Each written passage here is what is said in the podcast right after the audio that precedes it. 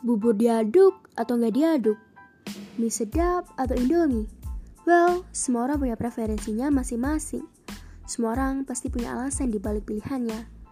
Podcast Unpopular Opinion bakal jadi tempat diskusi tentang pendapat-pendapat yang nggak biasa dari setiap narasumber yang datang.